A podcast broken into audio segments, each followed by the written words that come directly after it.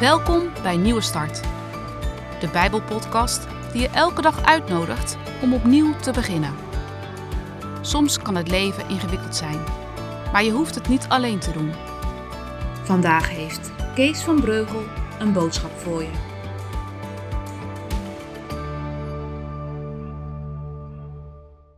Wanneer ben je gelovig?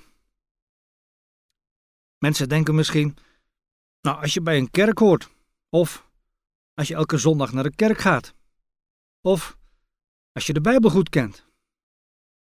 Nou, dat zijn allemaal goede dingen, maar ze vertellen ons niet of je een gelovige bent. Dat leren we vandaag uit de geschiedenis van Abel. Eva ging met Adam naar bed en raakte in verwachting. Ze kreeg een zoon, Kain. Ze zei: De Heer heeft mij een zoon gegeven. Daarna werd Abel geboren, de broer van Kain. Abel werd schaapherder, Kain werd boer en bewerkte de grond. Na een poosje bracht Kain een offer aan de Heer, van de oogst van het land. Ook Abel bracht hem een offer. Hij offerde de eerstgeboren lammetjes. Hij verbrandde het vet van de dieren als offer aan de Heer. De Heer was blij met Abel en met zijn offer. Dit is het woord van God. Abel is de tweede zoon van Adam en Eva. Hij groeit op samen met zijn broer Kain. En al snel blijkt dat de broers verschillende interesses hebben. Kain houdt ervan om op het land te werken.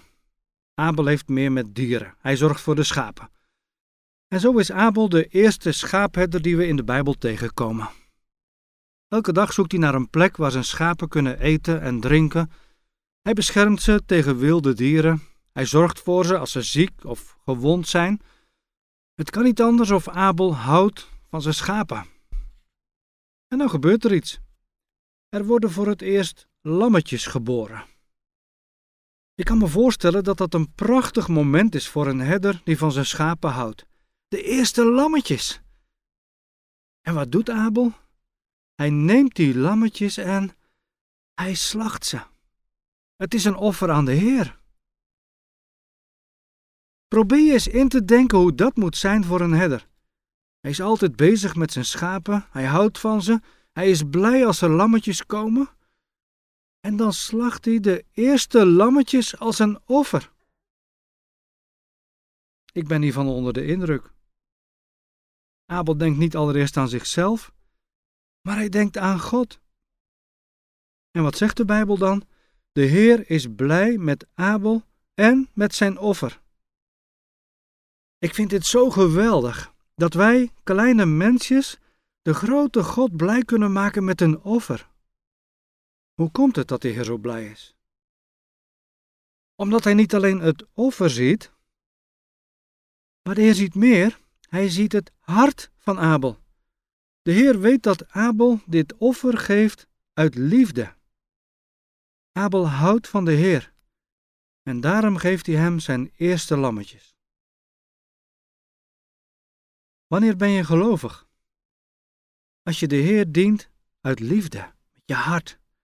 Als er een relatie is met God. Vanuit die relatie mogen wij ook vandaag offeren.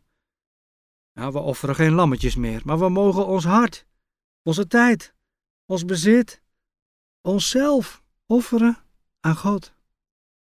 De Heer is blij met zulke offers.